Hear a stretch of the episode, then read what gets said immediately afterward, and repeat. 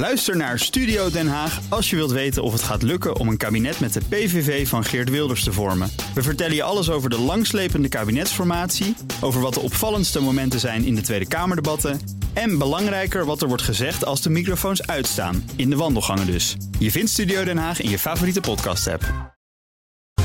Wetenschap vandaag. Door het veranderende klimaat wordt de wereld onder water steeds lawaaiiger. Dat blijkt uit nieuw onderzoek. En dat bespreken we met wetenschapsredacteur Carlijn Meinders aangeschoven. Carlijn, welkom. Hi. Ja, wat hebben ze precies onderzocht? Nou, Lennart de Nooier, onderzoeker bij het NIOS, kijkt zelf naar de chemische samenstelling van zeewater en hoe die samenstelling het zeeleven beïnvloedt. Maar wat we ook al lang weten is dat hoe geluid draagt onder water beïnvloed wordt door de chemische samenstelling van dat zeewater. Ja, door de opname van al die CO2 die wij uitstoten, wordt vooral de bovenste laag van de oceaan steeds zuurder. En daarvan weten we dus uh, dat gaat een effect hebben op geluiden in de oceanen. Dus hoe zuurder de oceanen worden, hoe luidruchtiger ze eigenlijk worden. Ja, dat weten we dus al. Wordt ook nog steeds veel onderzoek naar gedaan, naar wat dat effect precies zal zijn. In dit onderzoek is naar iets anders gekeken, namelijk de beweging van het water. In de Atlantische Oceaan stroomt water van zuid naar noord.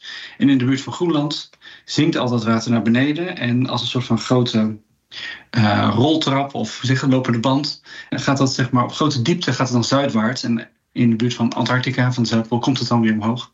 En die beweging die wordt steeds langzamer met klimaatverandering. En dat heeft ook een effect op uh, hoe geluid zich voortbeweegt, in ieder geval in de Atlantische Oceaan. En heeft dat dan een vergelijkbaar effect als die verzuring? Ja, in die zin dat het geluid daardoor in dit deel van de oceanen, zelfs bij een gematigd klimaatscenario, al met 7 decibel toe zal nemen. 7 decibel, ja, dat klinkt niet heel veel. Ja, dat snap ik, maar een toename van 7 dB aan geluid betekent onder water dat het bijna vijf keer zo hard klinkt. Oh. Nou, we hebben een poging gedaan om dat verschil hier te laten horen. Ik heb net heel lang met collega Gijs in de studio zitten pielen, maar ik kan het niet laten horen. Nee, omdat ja, op de radio wordt dat toch allemaal ja, weer goed geproduceerd. We hebben hè? van die leuke processing systemen die Ja. zorgen dat wij goed klinken, maar die corrigeren ook voor dat verschil in dB's. Wij kunnen schreeuwen in de microfoon, maar dan maakt hij dat goed op de zender. Dus ik kan niet laten horen wat dat verschil dan precies is. Is ook een moeilijke vergelijking met, met onderwatergeluid, want dat werkt ook weer anders.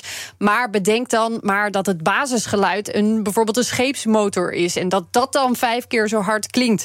Dat is al veel als het de blokfluit van je bu- buren is, zeg maar. Ja. Dus laat staan een scheepsmotor. Precies. Eh, hoe erg is die toename dan onder water? Eh, die is vooral erg voor heel veel dieren die in de zee leven. Vissen gebruiken geluid om eh, te navigeren, eh, maar ook allerlei ehm, zoogdieren, zoals walvissen, dolfijnen, enzovoort, die communiceren met elkaar door geluid. En dat, kan, dat gaat steeds moeilijker als het heel erg luidruchtig is. Ja, en dat eh, ook bijvoorbeeld eh, het niet meer kunnen horen van eh, roofdieren die eraan komen. Dat zou allemaal gevolgen hebben voor het hele ecosysteem. Dolfijnen moeten bijvoorbeeld nu al harder naar elkaar roepen in gebieden met meer scheepvaart. eh, bleek uit eerder onderzoek om elkaar te kunnen bereiken. Oh jee. Eh, maar wij zijn van BNR, van de oplossingen. Is er een oplossing? Nou, het lastige is, het wordt sowieso steeds luidruchtiger in de oceanen. Nog even lo- los van deze klimaatverandering. Problemen neemt de scheepvaart nog steeds in gebieden toe. Windmolenparken gaan de grond in. Overal op allerlei manieren veroorzaken wij zelf steeds meer geluid. En dat wordt dan dus ook nog eens versterkt door de verandering in samenstelling en stroming van dat water. Dat klinkt een beetje hopeloos eigenlijk. Ja, maar daarom is het juist belangrijk om dit soort onderzoeken te doen, zou ik zeggen. Eh, zodat eh, die beleidsmakers, scheepbouwers, natuurbeschermers, noem maar op, weten wat de gevolgen dan kunnen zijn. En gelukkig werkt daarom het consortium achter dit onderzoek ook mee aan echte daadwerkelijke Oh, oplossingen. nou oké, kom maar op. Ja, denk bijvoorbeeld aan het ontwerpen van stillere schepen. Stillere motoren is daar één oplossing voor. Maar er is ook een geluid dat wordt gemaakt door de propeller. Als een eh, propeller draait, dan ontstaan door drukverschillen lokaal ontstaan er kleine vacuumbelletjes die imploderen en die maken een harde knal. Dus de propeller van schepen die, ehm, die maken heel veel herrie. En ik zit in een groot eh, onderzoeksproject waar dit ook eh, eh, uit voortkomt. Met mensen uit Wageningen en eh, Twente en Delft. Om te kijken op wat voor manier je nou die scheepspropellers zo kunt maken dat ze minder dan het geluid van die belletjes produceren. Ja, zou je niet zo snel aan denken. Misschien de motor is logisch, maar dit is dus ook een probleem. En er wordt uh, aan nog meer gedacht, want niet alleen schepen zijn het probleem, ook het plaatsen van windmolens is luidruchtig. Rondom dat heien van die uh, windmolenparken, daar worden schermen aangelegd van, van belletjes. Dus dan wordt er een soort tuinslang omheen gelegd met gaatjes erin, er wordt lucht in geblazen.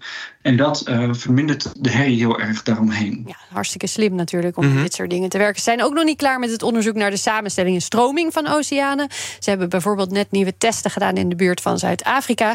Eh, waarbij ze op grote diepte dan een glazen bolletje laten imploderen. En dat geluid meten ze dan weer 50 en 100 kilometer daar vandaan. Het liefst zouden ze dit dan op alle plekken ter wereld doen. om nog meer te weten te komen over het effect van die veranderende omstandigheden op geluiden in de oceaan. Want daar is nu nog eigenlijk veel te weinig data Ja, ik vraag me dan wel af, zou je dan bijvoorbeeld als walvis... Uh, ook al doordat de geluiden harder worden, als je een geluid maakt, dat hij ook veel verder komt. Dus dat je eigenlijk meer op je plek kan blijven. En dan kan je heel makkelijk communiceren over veel grotere afstanden. Nou, als je precies uh, in de juiste stroming op de juiste plek in de oceaan zit, zou het ook wel kunnen dat die walvis dan harder klinkt. Oké, okay, nou dat is dan een heel Misschien een klein voordeeltje. Als je precies op de goede plek bent. Dankjewel, Carlijn Meijners. Ook Diana Matroos vind je in de BNR-app. Ja, inderdaad. Je kunt live naar mij luisteren tijdens de Big Five. Ook handig in de BNR-app. Breaking nieuwsmeldingen, maar ook het allerlaatste zakelijke nieuws. En je vindt in de app alle BNR-podcasts, waaronder Wetenschap Vandaag. Download nu de gratis BNR-app en blijf scherp.